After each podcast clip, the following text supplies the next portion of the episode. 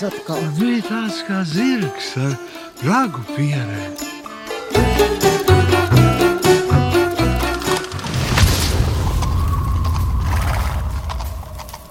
Iztēlojies, kā šeit varētu būt. Kā Šveicē.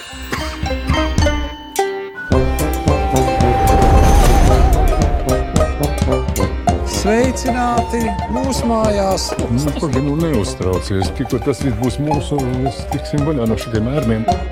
Un nekādus ķiplokus. Ķiplokus es nepanesu. Sveiki!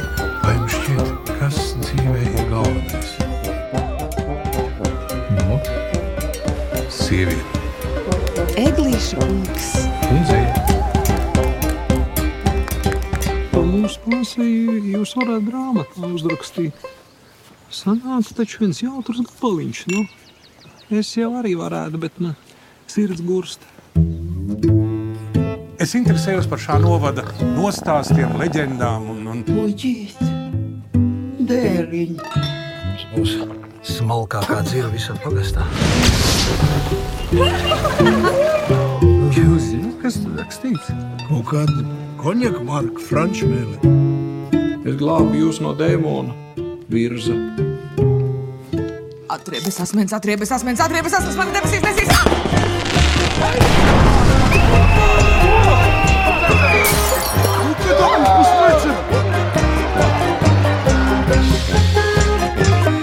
Rāgi uz jumta.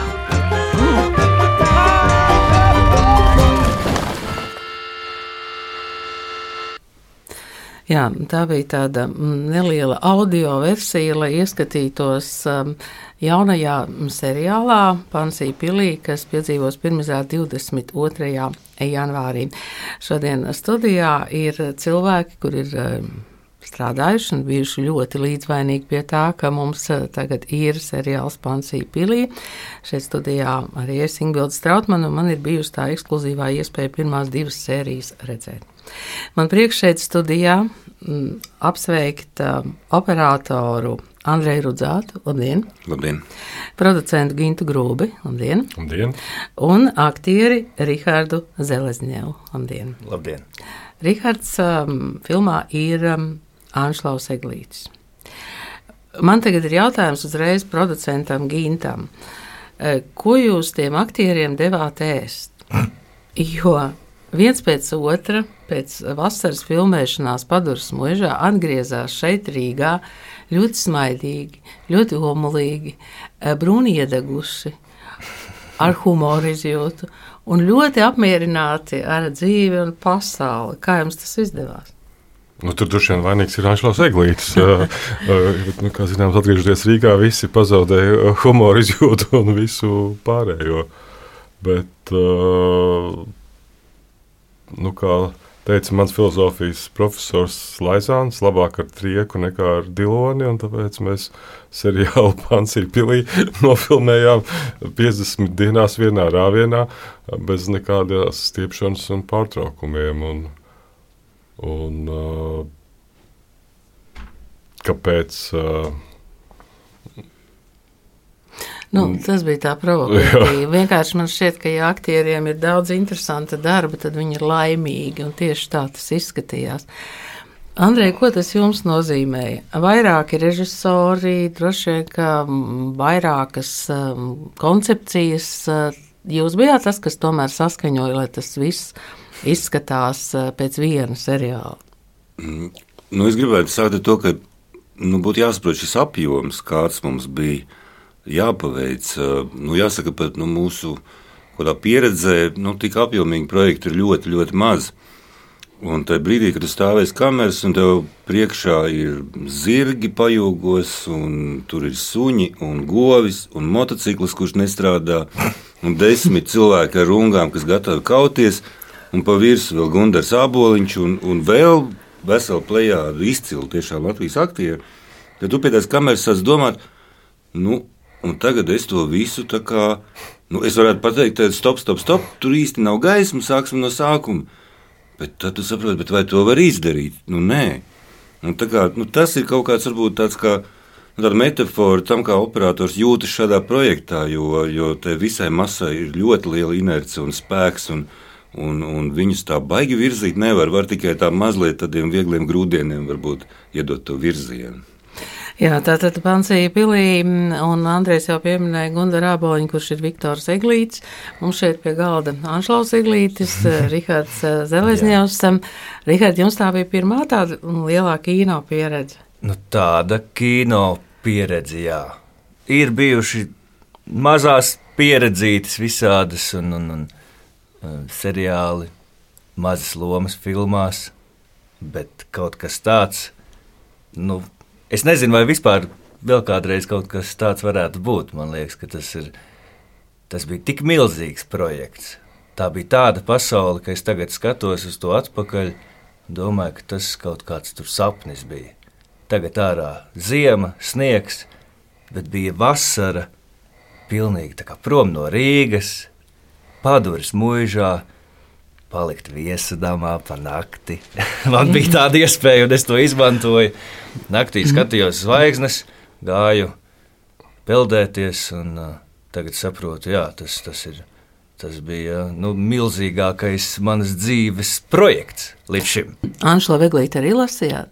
Lasīju, jā, bet uh, lasīju vairāk par Anšlavu Eglīti. Man visu laiku bija līdzi uh, Ievas Strukas Monogrāfija. jā. ķieģelis, jā, grāmata, kuru Gins man aizdeva. Un es viņu, un es viņu nesāju līdzi, un nesāju līdzi, un viņa tā apbružājās. un Tad Gins saka, nu, projekts iet uz beigām, vajadzētu tās grāmatiņas tā kā atdot. Un es paskatījos uz savējo un domāju, es ātri aizbraukšu uz Rīgu, es nopirkšu jaunu, un tad es viņam atdošu to jauno eksemplāru. Bija nolasīta, ja? Bija nolasīta, un es visu laiku meklēju kaut kādus faktus, bet man, man arī tādu drošības sajūtu radīja, ka man tas ķieģelis visu laiku bija līdzi. Mēs šeit jautājām operatoram, jautājām vienam no aktieriem, Giņ, ko tas nozīmē producentam. Vest eh, visus pie kārtības un, eh, un finanses skaitīt līdzi. Jo, ja mēs paskatāmies tādā netālā vēsturē, tad um, jums ar Andreju ir bijusi pieredze ar Emīliju Latvijas preses karalieni, vai ne? Bet tas bija Covid laiks, un, un, un tad, protams, bija mazliet citi noteikumi. Bet arī rekordā ātrs laiks, vai ne, kad jāuzņem. Nu jā, tajā nozīmē, mēs jau uh, kopā ar uh, Inesu Boku grūbi šo ideju savulaik uh, sākām jau risināt, man liekas, pirms Latvijas simtgadus, kad mēs domājām par to kā par spēļu filmu sākotnēji. Un tad pieslēdzās, tad, kad mēs bijām jau pabeiguši Emīliju Preses karalieni, tad, tad pieslēdzās Andrejs Rudzāts un Tabita Rudzāta, un mēs spriedām par to, kas tad ir tādi stāsti, ko mēs varētu izstāstīt. Un, uh, nu, mēs tomēr atgriezāmies pie tā, par ko mēs jau reiz bijām domājuši, pie Anšlava Eglīša Pansija pilī. Un tad, kad es tabitai prasīju, bet nu, pasaki, kas tas ir par laiku, jo bija skaidrs, ka tas romāns ir uzrakstīts eh, no 20. gada sākuma, kad Eglīšs, Eglītim to mūžu valsts uzdāvina, uh, līdz pat uh, 40, laikam, pirmajam vai otram gadam, tur tā īsti nevar precīzi romānā saprast tās, tās pēdējās lapus. Un, uh, Uh, un tāpēc ļoti precīzi noformulēja to laiku, kas arī ir, man liekas, filmā. Tas ir laiks, uh, tas ir 33. gads, tā sajūta līmenī. Nevis tā, ka kādam būs jāmeklē 33. gada uh, modes uh, vai detaļas, bet tas ir 33. gads pirms Ulma, viens gads pirms Ulmaņa apvērsuma. Tā ir kaut kāda ideālā, ideālā Latvija, ideālā neeksistējošā pasaule, kaut kāds burbulis, kurā mēs nonākam un no kura negribās izkļūt. Un man liekas, ka tas bija arī tas, kas, kas bija tas radošais impulss, kas lika tālāk par to visu domāt. Tā ir komēdija, tā vispār tam nav nekāda politiskas konotācijas visās septiņās sērijās. Tur no tāda viedokļa tas nav, bet tagad skatoties jau uz kino ekrānu, kad es skatījos, Un zinot visu to, kā Anšlaus Eglīts to rakstīja, un kā, ko viņš domāja par krieviem un ko viņš domāja par Latviju, uh, kaut kā nu, tur ir tādas, tās gaišās skumjas, vienalga no tā ekrāna lasās. Vismaz man. jo viņš jau to uzraksta jau 62. gadā. Uh, Amerikā, vai Jā. ne? Mm -hmm. Andrej, jūs uh, skatoties caur kameras acis, domājāt par konkrētu laiku? Vai tas ir tāds, uh, tāds uh, filmas laiks, kas tur notiek? Tas viennozīmīgi ir filmas laiks, jo vēl jau vairāk, jo rēķinot, ka mūsu mākslinieca Kristīna Jurjāna vispār mēdz būt ļoti eklektiska gan kostīmu, gan teiksim, dažādu rekvizītu izvēlē. Es to nosaucu par gāganu kara laikmetu. Jo nu, tādu īsti pateikt, kā Gins teica, 33. gads. Nu, Es nu, negribētu nevienam solīt, ka to tur varēs tā nolasīt. Varbūt kā tādu emocionālu fonu noteikti jā, bet nu, kā tāds vizuāls, jā, ja, ja tā ir tāda eklektika. Par režisoriem, cik tad tur ir režisoru un kur ir strādājuši? Kāpēc Rihards smejas šajā brīdī? Ne, mēs, tā kā tas seriāls bija jāveic samērā īsā laika brīdī, tad, tad ar Andu Mizišu mēs jau bijām pie Emīlijas Latvijas preses karalienes strādājuši. un Ar, ar Martu Elīnu Martinsonu mēs nebijām strādājuši, bet mēs bijām redzējuši viņas komēdijas. Un, uh, uh, un ar Dāvidu Sīmani mēs bijām veidojuši daudzas vēsturiskas drāmas kopā. Un tad bija saprotams, ka ir jāveido tāds līdzsvars ar cilvēkiem, kuriem ir arī humora izjūta, kuriem spēj to, to paveikt. Un izrādījās, ka viņa ir visiem trim režisoriem, jo tas ir vissarežģītākais žanrs, man liekas, tās komēdijas ne tikai uzrakstīt, bet, bet vēl grūtāk ir viņas padarīt par kinematogrāfisku darbu, man liekas. Un tā, tas bija tas, man liekas, vissarežģītākais. Un tur tā sinerģijas ar režisoriem man šķiet strādāja samērā, samērā labi. Ko saka operators Andrejs Rudzāts par trim režisoriem? Es domāju, ka nu, neizbēgami var ļoti labi nolasīt katras sērijas uh, autora rokrakstu. Jo nu, pilnīgi skaidrs, ka Martai viņai mūzikls tas ir viņas kaut kāds tāds uh, highlights vai nu, tāds kas viņai ļoti patīk. Un, un viņa, protams, cenšas šo gan estētiku, gan, gan teiksim, uh, dziesmnieciskumu ieviest. Uh, vai, teiksim, Andis, kurš ir tiešām tāds vairāk tāds joku plēsējs, nu tad viņš arī uz tiem jokiem spiež. Dārzs Sīmans savukārt mums tomēr aiziet jau mazliet tādā seriāli nosacītākā, teiksim, tādā vidē. Un tāpēc ir viens operators, kurš to visu velk atpakaļ. Lai tas būtu viens stāsts. Jo, Nu jā, un beigās eh, Gins Grūbi, kurš veido dokumentālo sēriju. Jā?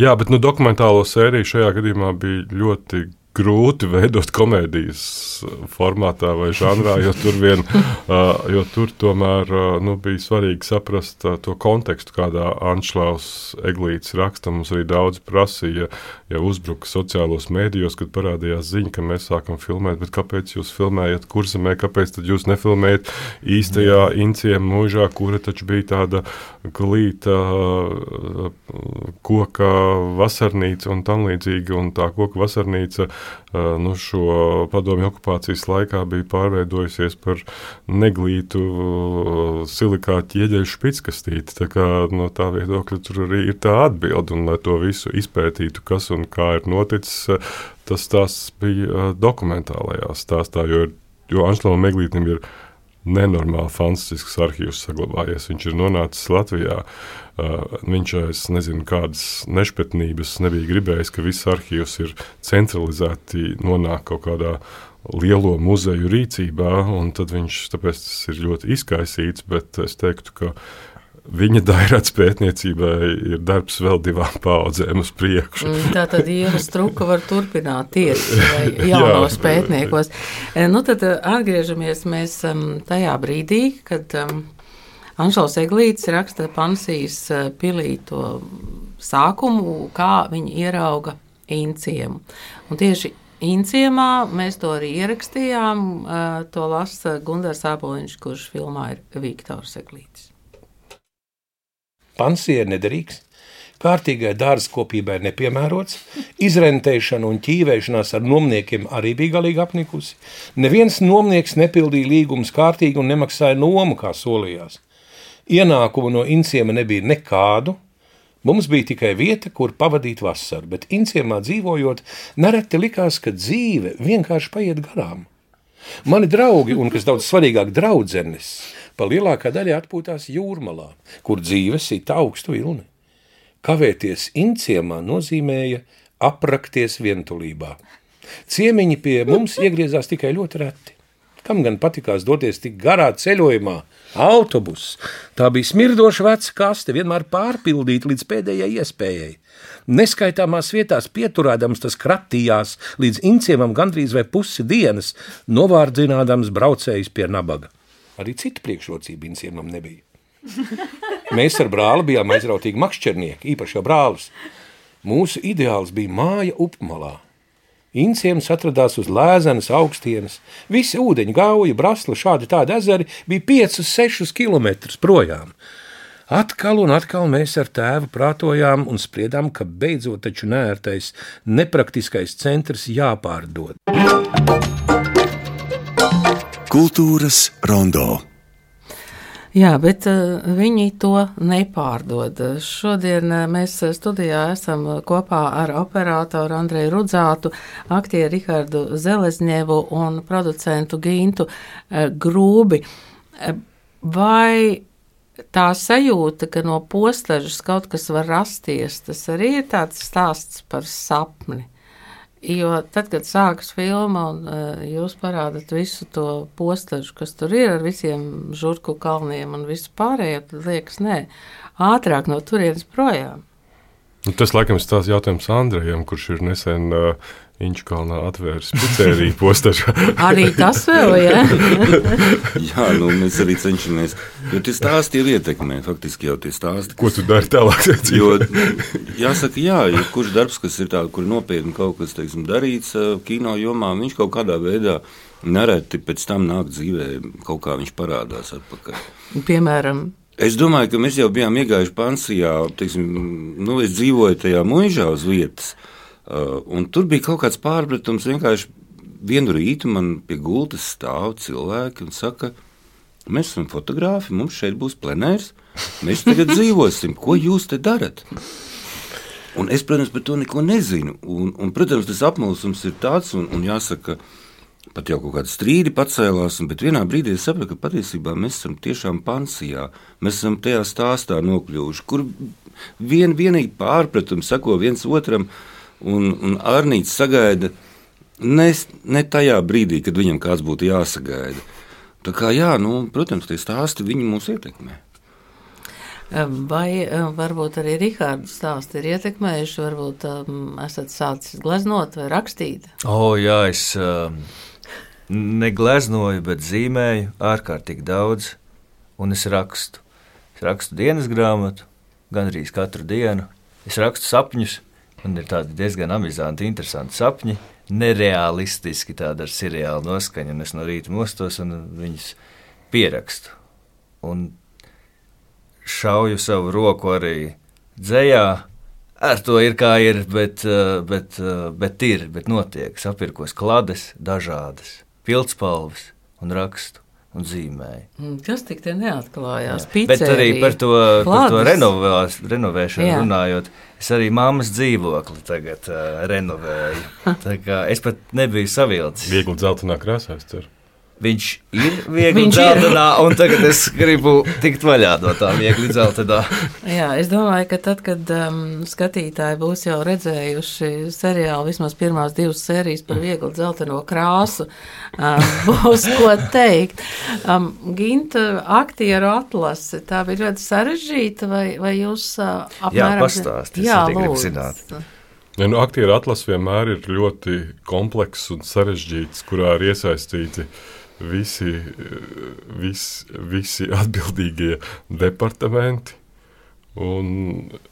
Tā dažreiz ir viegli, dažreiz ir grūti.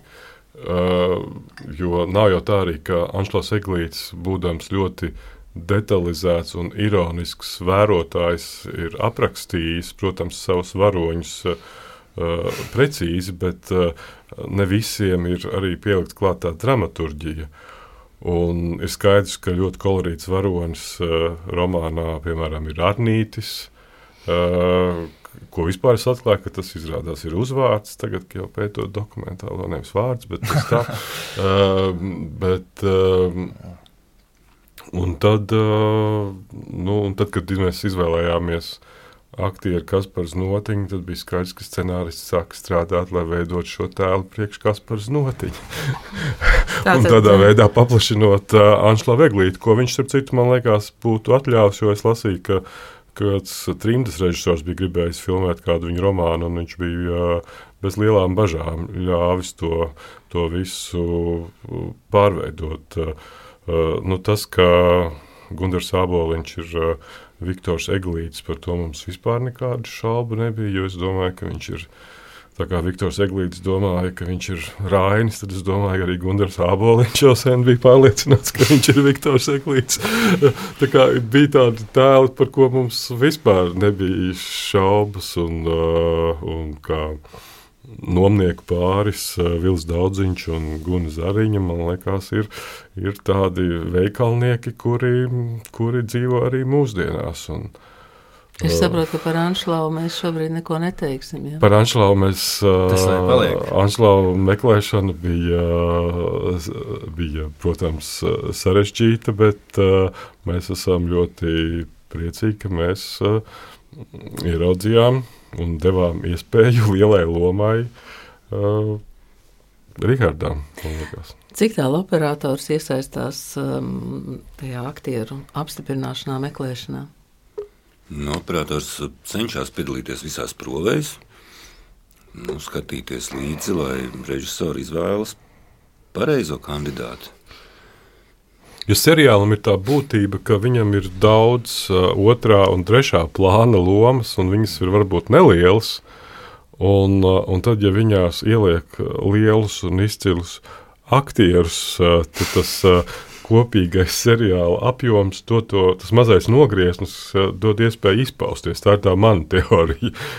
Un, uh, un tāpēc uh, ir tādi tēli kā Brīsku pāris, man liekas, ko atveido Olga Dreģa un Girts Jakovļevs.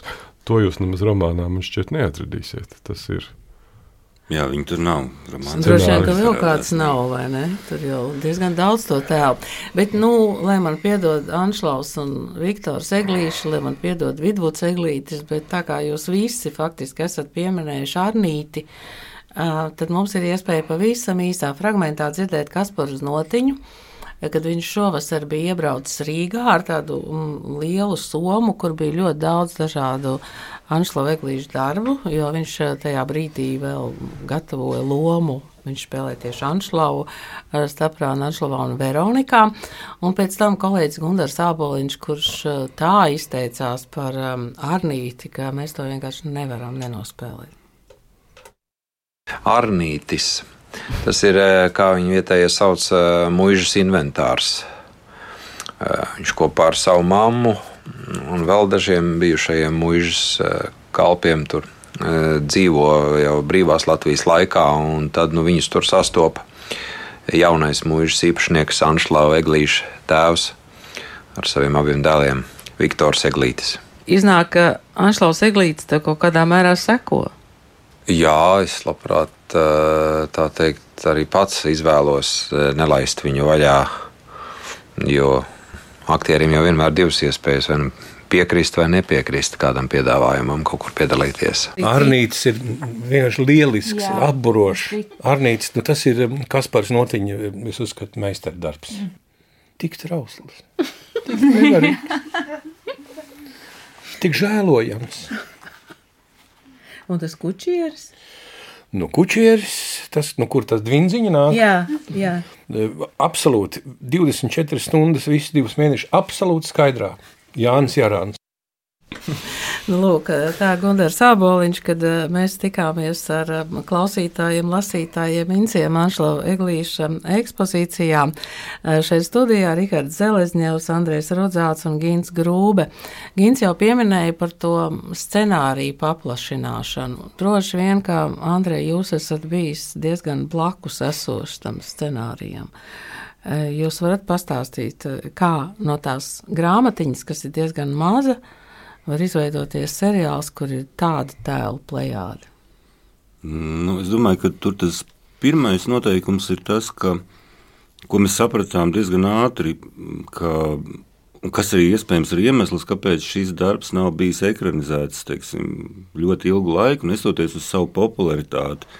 Um, Un tas, manuprāt, ir tas, ka, ka, ka viņu ir ļoti grūti uzfilmēt tādā veidā, kā tas ir uzrakstīts, tīrā veidā, jo tur ir ļoti daudz gan literāru aprakstu, gan tur ir arī tāds šis emocionālais fons. Ļoti interesanti savīs kopā ir šī komiskā, komiskā daļa, visi notikumi, kas ir būtībā komiski, ironiski vērtējumi, dzēlīgi vērtējumi, bet tur var just šo mm, momentu, ka kad darbs ir rakstīts projām trimdā, kad tas viss jau sen ir zudis. Un laikam, ka, nu, tā, tā, tā pamat ideja sākās no tā, ka mēģināt apvienot šīs divas lietas. To, ka ir šī vasara, viss ir labi, bet mēs zinām, ka drīz nāks ziema. Šī ir tā varbūt tā emocionālā nots, kura tajā scenārijā iespējams nu, vismaz tika mēģināts viņu tā iespēlēt. Kā viņi ir sanākusi, to pašiem šobrīd grūti pateikt, esot tik tuvu pabeigtam darbam. To droši vien pēc laika var, var, var novērtēt. Divi scenārija autori. Ja? Jā, divi, bet kā teicu, seriāls, man liekas, ka arī filmas bieži vien ir tāds kolektīvs kopdarbs, kur, kuras top gan sagatavošanās periodā, gan arī filmēšanas periodā, un vēl nemaz nerunājot par montāžu periodu. Bet man liekas, ka tas grūtākais uzdevums, ko es pēc tam jau montāžas periodā saprast, jo man liekas, ka tu taisi komēdiju, nu galvenais, lai ir smieklīgi, galvenais, lai ir smieklīgi. Un, uh, jo, un, uh, tad es izlasīju Anšla Veglīša rakstus, ko viņš ir sarakstījis trimdā par uh, Rīgas kinostudijas filmām, ko kultūras sakara komiteja tur viņam fantastisks, cienījams filmas, nesaukšu pat vārdā, kurām viņš veltīja epitētus drūmi, pelēki, garlaicīgi, nomācoši tēli, sajūtas. Un, kāpēc mēs nevaram par to visu runāt uh, daudz vieglākā veidā? Tas, protams, ir nu, viņa attieksme pret uh, to, ka tas nāk no uh, okupētās padomju savienības. Un tad saproti, ka, nu, ka tas uzdevums. Uh, nu, lai tas Anžela Veglīša gars negatīvā veidā mums neparādījās filmas veidošanas procesā, ka tas ir diezgan grūts uzdevums un tas gars neparādījās. Rihardam, vai jūs jau esat redzējis kaut ko no gatavā varianta? Es uh, esmu redzējis tikai tās vietas, kur man vajadzēja kaut ko nedaudz pārrakstīt. To Nu, saucamo voice tekstu, over. Jā? Mhm. Jā, vai kādu vārdiņu, kas kaut kur ir aizķēries, vai, vai arī mm, tādu tā kā aprakstu, kur iet aina un mm, stāstu par to, kā tas iesākās un kā tas beidzas. Arī to, un, jā. jā, un es redzēju eh, mazus gabaliņus. Jau ieraudzīju, kas man patīk un kas man eh, nepatīk. Es vispār esmu diezgan pārliecināts, ka, ja mēs filmētu nākamā vasarā pansiju, tad Anšlaus būtu pilnīgi cits. Pilnīgi cits varbūt. Andrejs nepiekrīt. Ne? Manuprāt, eh, man tiešām bija liels prieks ar Rīgārdu sadarboties, jo, jo ļoti labi varēja redzēt to viņa um, atdevi. Ka, protams, viņam ir pirmā šāda teiksim, loma liela. Un, uh, Un ir šīs pirmās dienas, kad es redzu, ka Rīgards nu, tur ir sabijies, satrūcies. Tur ojej, jā, oj, jā, jā, tā kamerai bija. griež muguru visu laiku. Es viņam saku, bet Rīgārds, nu, tu taču ar seju spēlē ar muguru, taču tu nevari. Nu, mums, bet, bet jāsaka, ka nu, pakāpeniski, pakāpeniski pilnīgi cilvēks nu, tā kā izaug un, manuprāt, šobrīd ir ļoti kvalitatīvs kino aktieris. Jo filmā ir lielas zvaigznes, ir lielas zvaigznes, pieredzējušas zvaigznes, kur filmogrāfija man liekas ir. debitanti Ir ā, kā Olga Dreģa, Ivars Kalniņš un tam līdzīgi, bet nu, ir jādzimst arī jaunām zvaigznēm. Es apsveicu ar komplimentiem. Jā, es uh, viss, man diena ir izdevusies. Neskatoties uz to, ka vakarā ir pirmizrāde Leļa teātrī. Jā, ja? jā, ir gan Sibīrijas haiku tāds liels, pamatīgs gabals. Kā tās zvaigznes pret jums izturējās? Kā tās zvaigznes? Nu, ne tās, kas debesīs, Jā, jā, jā, es sapratu. Es gan iedomājos, par kurām zvaigznēm arī. ir runa, bet uh, nu, ārkārtīgi visi tādi pretīm nākoši, ārkārtīgi ieinteresēti. Kas es esmu, kas, kas no kurienes, ko, ko darām, kā es, kā es izskatos, kā runāju, ar ko nodarbojos, kas patīk, kas nepatīk. Kas to teica? Mums bija pēc filmēšanas balle, un to teica vai strānga vai dreģe. Pagaidiet, tūlīt. Man liekas, to teica strānga jūris. Es pat nezinu, kas jūs esat labāks. Aktieris vai bundzinieks. Jo es arī spēlēju bungas tajā, tajā noslēguma ballē. Un, jā, tas man arī ir palicis prātā. Sākumā man likās, nu, lielie smagsvari, un man vajadzēja laiku, lai es esmu tāds pēc dabas tāds. Man ir elki. Es fanoju par cilvēkiem, un man liekas, ka visi šie cilvēki ir tik lieli, un es viņus satikšu. Un, un es sapratu, tiešām es satieku Gunteru Aboliņu, un es pret viņu visu laiku izturos kā tādu pret augstu, lielu mākslinieku, un Kaspars notiņu. Un Kaspars ļoti ātri uzķēra to, un viņš sāka runāt ar mani kā, kā čomu. Un mēs tā ātri nolauzām to barjeru. Par debitantiem filmā mm, droši vien kā Vidvuds nav pazīstams plašākai publikai, vai ne? Jā, tas ir skolnieks Kristians Teterovskis. Pats skolnieks, ja? Jā. Un tad uh, tie divi lauku puiši, tie arī debitēja. Lauku puiši. Nē, nē, viens no viņiem man šķiet ir jau filmējies. Ir jau, jā, jā, jā, filmējuši. jā. Um, es varbūt kļūdos, bet uh, vai Dana Bjorka līdz tam ir filmēta? Tas gan ir pārsteidzoši. Viņa momentā paņem uh, ekrānu, vai ne? Un Hilda. Vīka ir ieradusies. Jā, Precīzi. tas bija. Es par Danas Bjorkas filmogrāfiju tik droši Es nevaru neesmu, pētījis, bet tas bija apmēram tā, ka tad, kad tika meklēta Dana Bjorka, jā, man liekas, provēs, kad atnāca Dana, tad, tad pēc, pēc, pēc pirmā dialoga ar Gunteru Aboliņu bija skaidrs, ka mums ir Hilda Vīka, kas arī ir ļoti, nu, seriālā, man liekas, pat grāmatā Hildas Vīkas tēls nemaz nav īpaši izvērsts. Viņš ir ļoti klātesošs uh, Viktora Eglīša dzīvē, un kāpēc viņš no grāmatā tur ir iemesls tam, ka Anšlam Eglītim nevisai patika. Nu, tas ir Hilda tā Vīka- maigi, ja? Hilda Vīka, jā, jo tur uh, ir leģendārs atmiņas, ka dēls Vidvuds uh, stāsta, ka ja, Anš, ja Hilda Vīka kaut ko gribēja uzzināt par gleznošanas principiem, tad viņa to neprasīja Anšlavam Eglītim, viņa to prasīja savam dzīves draugam Viktoram, lai viņš pajautā Anšlavam. tā kā, tā kā tāds ir bijis tas attiecību modelis, tas, kas mums ir filmā, tas ir uh, mazliet savādāk. Nu, Viktors Eglīts, protams, vairāk kārt ir pieminēts. Tā ir Viktoram Eglītim piešķirta mūža, ja tā es saprotu. Jā, nu ir tādi fantastiski laiki Latvijā bijuši, kad valsts dāvināja rakstniekiem, dziniekiem mūžus. Nekā tāda šobrīd nav. Droši vien rakstnieki un dzinieki sakautos savā starpā, ja, ja valsts viņiem nolēmtu nekustamos īpašumus milzīgus Es nolaistus atceros, kad dāvināt. es lasīju šos faktus, Jā. es pārlasīju vēl. Vai tiešām vai tā ir? Es kaut kā ne, Bija, domāju, ka kļūda kāda Gan. Rainis dabūja, gan Brigadere dabūja, gan arī Viktors Eglīts dabūja.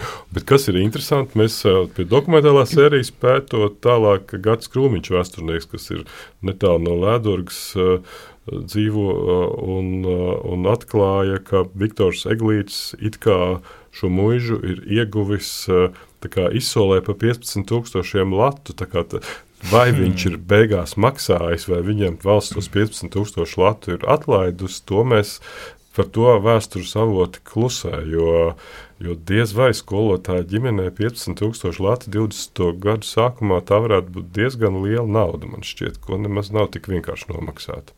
Jā, starp citu, attiecībā arī uz brigadēri tur nav īsti tā, ka valsts uzdāvina. Viņai ir jāizmaksā kaut kādi tūkstoši latu. tā Kā, nu, jā. Visos laikos viss, viss ir bijis sarežģīti. Nu, jā, nu, bet vērdiņam nekas vairs nespīd. Es domāju, mūsdienās nekāda valsts neko vairs nedāvina. Nu, lūk, nabaga vērtnieks.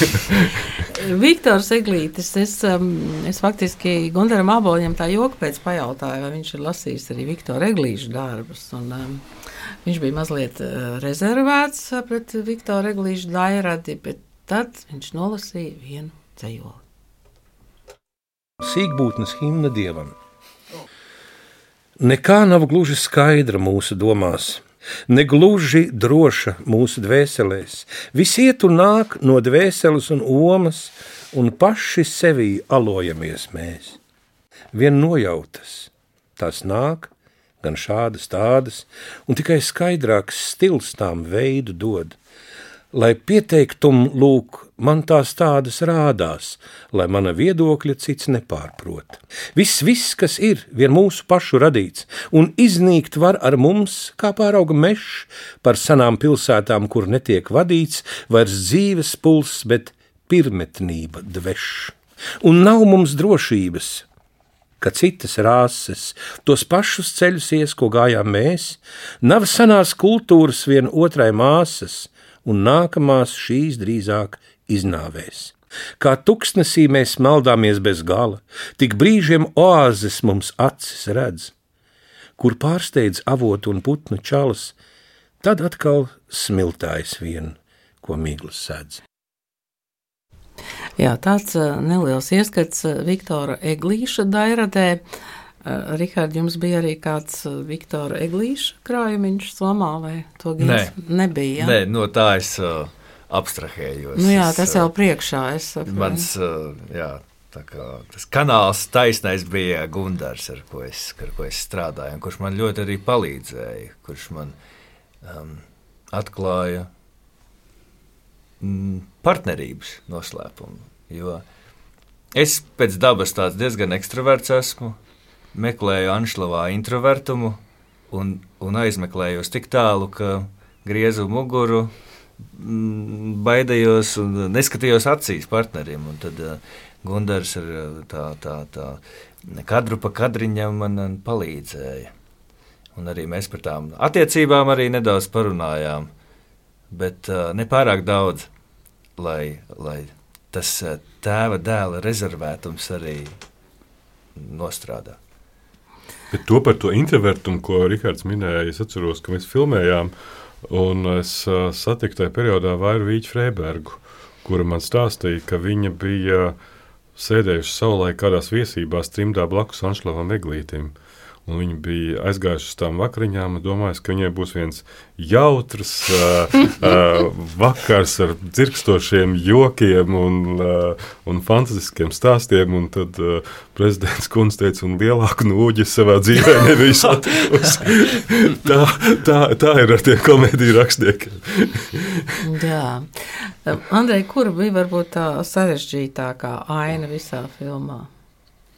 Nu, tās lielās balles eh, vai kaut kas tāds introverts? Nu, tā ir ļoti grūti tiešām patīt atpakaļ pateikt pašu, pašu grūtāko ainu. Nu, tas tā, jo, protams, ka tās, teiksim, lielās balles ar kautiņiem, ar mm, uzdzīvi un dejām, viņas ir apjomīgas, bet uh, viņās ir sava pašvērtība jau tāpat tās to notikumu jau daudz. Manuprāt, pat grūtākas varbūt bija tās, tas visvienkāršākais ainas, kur viens aktieris iznāk uz lieveņa, un it kā viņam kaut kas tālumā jāredz un jāpabrīnās. Nu? Bet tur jau nekā nav par ko brīnīties, protams. Un, un, un tās iespējams bija visgrūtākās ainas tieši tās mazās, tās, kur tiešām bija, bija, bija jābūt kopā, nu visam bija jābūt perfekti, gan tam kameras gājienam, gan tam aktierim. Gan no vēl citiem daudziem elementiem. Jo tādā lielā ņiguņākā, kā tādos kautiņos, bālēs, nu, tur jau viss notiek, un tas tā arī var būt kaut kā. Tur nepamana varbūt kaut kādas nepareizības. Bet jā, šeit tieši šādos vienkāršākos iespējams uzstādījumos viņi ir iespējams grūtāki. Nu, un tie sapņu um, uzstādījumi, tie, tie nāca tā dabiski, nu, piemēram, tas baltais vienradzis. Un... Nu, es nezinu, nu, tā kā patiesībā jā. Kādas sēnes jūs ēdat? Kādas sēnes, lūdzu, jā. Vien, vienredzes jau faktiski, nu, es tā atļaušos, varbūt atklāt to noslēpumu. Vienredzes ir, ir kā saka, aizstājējis citam dzīvniekam, zebrai. Bet tad izrādījās, ka zebru nu, nav iespējams dabūt, jo viņas esot pilnīgi nervozas, ar mašīnām viņas nebrauc tajā piekabītē. Nu, mums teica, zebra nederēs. Nu, tad tas vienredzes kaut kā viņš atnāca, parādījās. jā, un tad bija vienradzis. Un vēl ir jāpasaka, jo droši vien daudz gribēs zināt, vai būs Anniņa ar govi, kas ir grāmatā. Nebūs un? Anniņas ar govi. Kāpēc jūs tā? Kāpēc nodarījāt Anniņai pāri? Nu, Anniņa ir vispār izkritusi no šīs stāsta. Jā. Jā, bet citi savukārt ir atkal atraduši savas vietas. Cik šajā tieši tā ir atraduši, jo mums arī nepatīk kāniņi. Viņi parādās sākumā un arī pazūd. Mums bija tiešām nu, nefunkcionāli ieviest uh, varoni, kas ir ļoti spilgts, ļoti spēcīgs, un tad vienkārši vienā otrās sērijas piektajā minūtē viņi pazūd. Un arī mūsdienās pret dzīvniekiem ir jābūt ļoti saucīgiem filmēšanas laukumā. Likt govī no Rīgas līdz Incijam iet, tas nav vairs kinematogrāfiski. Ētiski. Bet jums tur tomēr ir diezgan daudz dzīvnieku. Ja? Andrejs jau sākumā tur pieminēja, vai ne? Tur ir govis, tur ir uh, Pilns ar vis- ar vistām tur mums. Žūrkas jums tur ir. jā, pareizi, tā žurkas arī. Jā. Tas bija diezgan traks kadrs man šķiet. Pirmo reizi, kad žūrkas uzbruka. ja. Kāds ir Tad jau labi. Nobučot žurku izstāst. Tas arī bija jādara, ja? Kaut ko viņi tur, tur nāca un nāca man pie sejas ostīties. Bet uh, mē- mēs mums kaut kā ļoti labi mm, mēs sadraudzējāmies pirmajās minūtēs. Jo likās, nu, to it žurku, viņa, jā, jā, it skries un bēgs, bet uzlika man uz manis un viss mierīgi. Tā, tagad filmēsim. Ha. Bet filmā ir arī viens suns, kas ir Jā, šķiet, gribēju ko Andrejs suns. ar abitu uh, izglāba. Uh, Tik Ukrāņu suns, suns. Ukrāņu suns, kas ir mūsu žibītis, ir, ir kurš nonāca Latvijā pie Tabits un Andreja, tika paglābts no bombardēšanām Ukrainā un kļuva par mūsu filmas varoni. Sunītis tagad ir pie jums. Nu, protams, viņš dzīvo pie mums un jūtās diezgan labi. Viņš arī tajā filmēšanā Žibītis. izskatījās ļoti labi. Žibītis, Jūs te pieminējāt, ko Anžēls Eglītis ir rakstījis par Rīgas kinostudijas filmām. Man skatoties seriālu pirmās divas eh, sērijas, um, bija sajūta, ka jūs arī esat eh, tur kā iefilmējuši tādu latviešu kino klasikas. Nu, es pat negribu teikt tādus precīzus citātus, bet varbūt tādus noskaņu citātus. Kā tas radās? Es domāju, ka, nu, nu, ja mēs runājam par vairākiem režisoriem, noteikti Andris Mizišs ir tas, kurš ļoti daudz ir inspirējies no Rīgas kino studijas filmām, un, un viņam tiešām var just, ka viņam sanāk un patīk šī Viņš lieta. arī strādājis pie streiča, man liekas, ir par Jā, viņš ir asistentu. par asistentu pie streča strādājis. Viņam leģendārs stāsti par to, kā vecmeistars pa īstam filmē. Viņš Un- jūt to drēbi tur. Un tad jūs tur mazliet tajā drēbē arī ieaudāt šajā, vai ne? Nu, tur jau zinu, man ir viens mīļš dzējolīds, Frančs. Nav nekā labāka, kā baroties no citiem. Nav nekā vairāk sava. Arī lauva sastāv no pārstrādāta auna. Un tad mēs pārstrādājām to Rī- Rīgas kino studijas aunu nedaudz. Bet, uh, Rihard, jums tas bija tāds uh, nu, arī ekskurs, uh, varbūt latviešu kino vēsturē. Jums tie grandi neteica, ej, klausies, tur ir nu, apmēram tā bija. Ja, vai tur Emīļa nedarba, tur nabaga māja mazliet, vai ne? Vai kā? Nē, nē, man bija um, nu, liela meistara jau ik pa brīdim kādu padomu. Jau. Nu, viens bija Gundars, kā es pirms tam minēju. Nu, kā jau tēvs, vai ne? Jā, kā mēs, un, un tad jau kā arī tēvs un dēls, nu, vienā brīdī jau man pietika. Es sapratu, vad jau ir, vad ir bagāža, un es tagad strādāšu ar to, bet nāk vēl, nāk vēl tie komentāri, un, protams, man ir arī, eh, es uh, uzcepjos kādā brīdī, un tas bija tā, nu, arī visi uztraukumi un, un, un slodzes tāda, tāda arī uh, diezgan, un tad bija tā, tāds viens ļoti skaists moments bija. Es jau nu, teikšu, kā ir. Es biju nu, nobesījies. Biju. Un Gunārs kaut ko saka, saka, un es jau, es jau laižu gar ausīm. Un Lāsma Kungrēna pienāk pie manis stāv. Tu klausies, bet neklausies. Tu nedari tā. Paņem un nedari tā. Un es uzreiz pamodos, un viss aina strādā, viss notiek. Tā bija tāda ļoti vienkārša aina, bet nu, reizēm vajag kaut kādu instrumentu, kaut ko. Un tad, jā, Dārts Evers arī tur.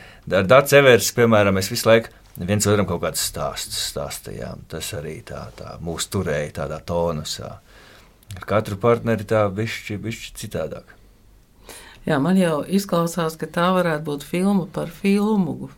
Ginta varbūt vajag vēl vienu sēriju.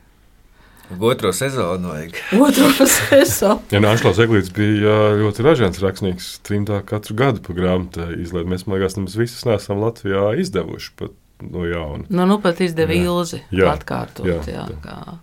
Ja kāds grib izlasīt, ko Anšlaus Eglītis domāja par krieviem, tad uh, Bet grāmatas ir populāras. Tad, kad mēs sākām rakstīt, es kā, kā daži meklēju oriģinālo satvērsmi, kur ir meklējumi. Es mēģināju atrast, kur ir oriģināla pansija pilī un devos uz antikvariātu. un Viņi smējās par mani. Teica, ka katrs piektais, kurš ienākot antikvariātā, meklējot Anšla Veglīti. Tā kā- Pat vēl pirms seriāla, pirms vēl seriāla.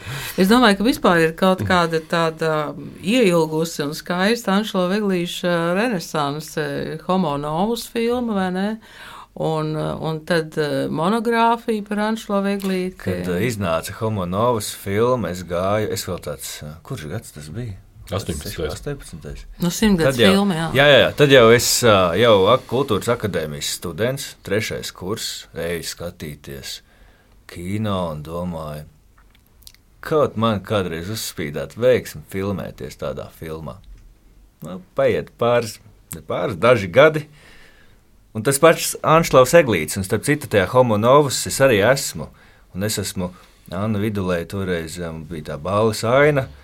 Un Anna Vidulē teica, Rihard, mēs tev, mēs tev iedosim kadru, mēs tev parādīsim. Es biju viesmīlis, un man ir vesela viena sekunde nogājiens. Es vienmēr saku, jā, es eh, Tātad tā filmējos ir jau. pirmā ja, kino pieredze. Jā, tā starp citu tiešām bija. Un Tad uh, arī vecmēstars Dainis Sumišķis teica, ka nu, viesmīlis ar to sākas katra kino karjera īstā. Jānospēlē viesmīlis. Un pirms tam man šķiet bija Pēters Kilovs filmu maestro, kas bija viņa diploma darbs. Jā, eh, tas kas bija bija, vēl pasen, kas jā. bija Jānis Latvijas. Tā kā nav. Ir teātrī daudz vairāk nekā kino bijis. Nu Jā, teātrī bezskaunīgie veči, un es saprotu, ka Nacionālais teātris no jauna iestudēs bezskaunīgos večus. Tā kā, Mm. jā. Anšlaus Eglītis turpinās. Kāds tagad ir tas uh, seriāla liktenis? 22. janvārs pirmizrāde. Jā, 22. janvārī mēs sākam rādīt pirmās uh, divas sērijas. Uh, vienā sēnesā, kas ir apmēram stundu desmit garā, tā sajūta, lai cilvēkam sajūta, ka viņš ir bijis vasarā un uz kino.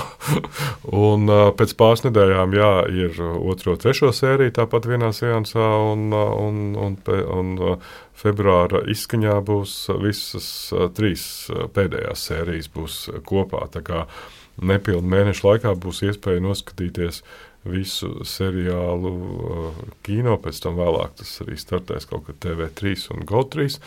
Uh, tā kā nu, tā pieredze uh, iet, rādīt seriālu kino, tā vairs nav nekāda unikālā. To, dara, to darījām ne tikai mēs ar Emīliju Latvijas preses karalieni, to dara pat Netflix Amerikā. Tā kā tajā nozīmē, nu, seriāli nav domāti tikai planšetēm. Inciem arī rādīsiet.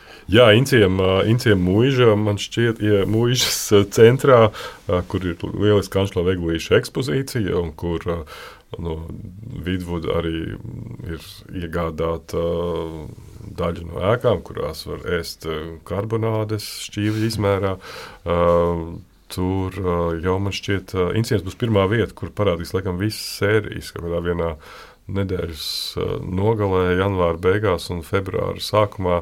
Ā, Tā būs pirmā vieta, jā, kur tie, kas brauks uz Inciem, tie tornī varēs redzēt visus, ja tur laicīgi pieteiksies. Viņi Jā. arī ļoti palīdz, ja mēs mēģinājām atrast, vai ir dzīves, vai dzīvi arnīši, vai, vai, vai nomnieka mazbērni vai mazmazbērni, eh, kas izrādījās eh, nav vairs, diemžēl, iespējams. Nav tādu liecību. Bet ā, tā arī neatradāt ā, inciemiešu liecības par eglīšiem. Ne? Inciemieši bija diezgan slēpuši vēlākajos gados tās savas liecības. Tur, laikam, Kohos ezerciems, kad bija iestājies Alberta Kaula vadībā, bija darījis visu, lai aizartu Anšla Eglīšu vēsturisko un Viktora Eglīšu un vispār Eglīšu ģimenes pagātni. Tagad tas, protams, tur ir atnācis atpakaļ, man liekas, lieliskā veidā un izpildījumā, bet, eh, bet nu, tur ir savi iemesli, kāpēc mēs kaut kādu laika periodu izslēdzām.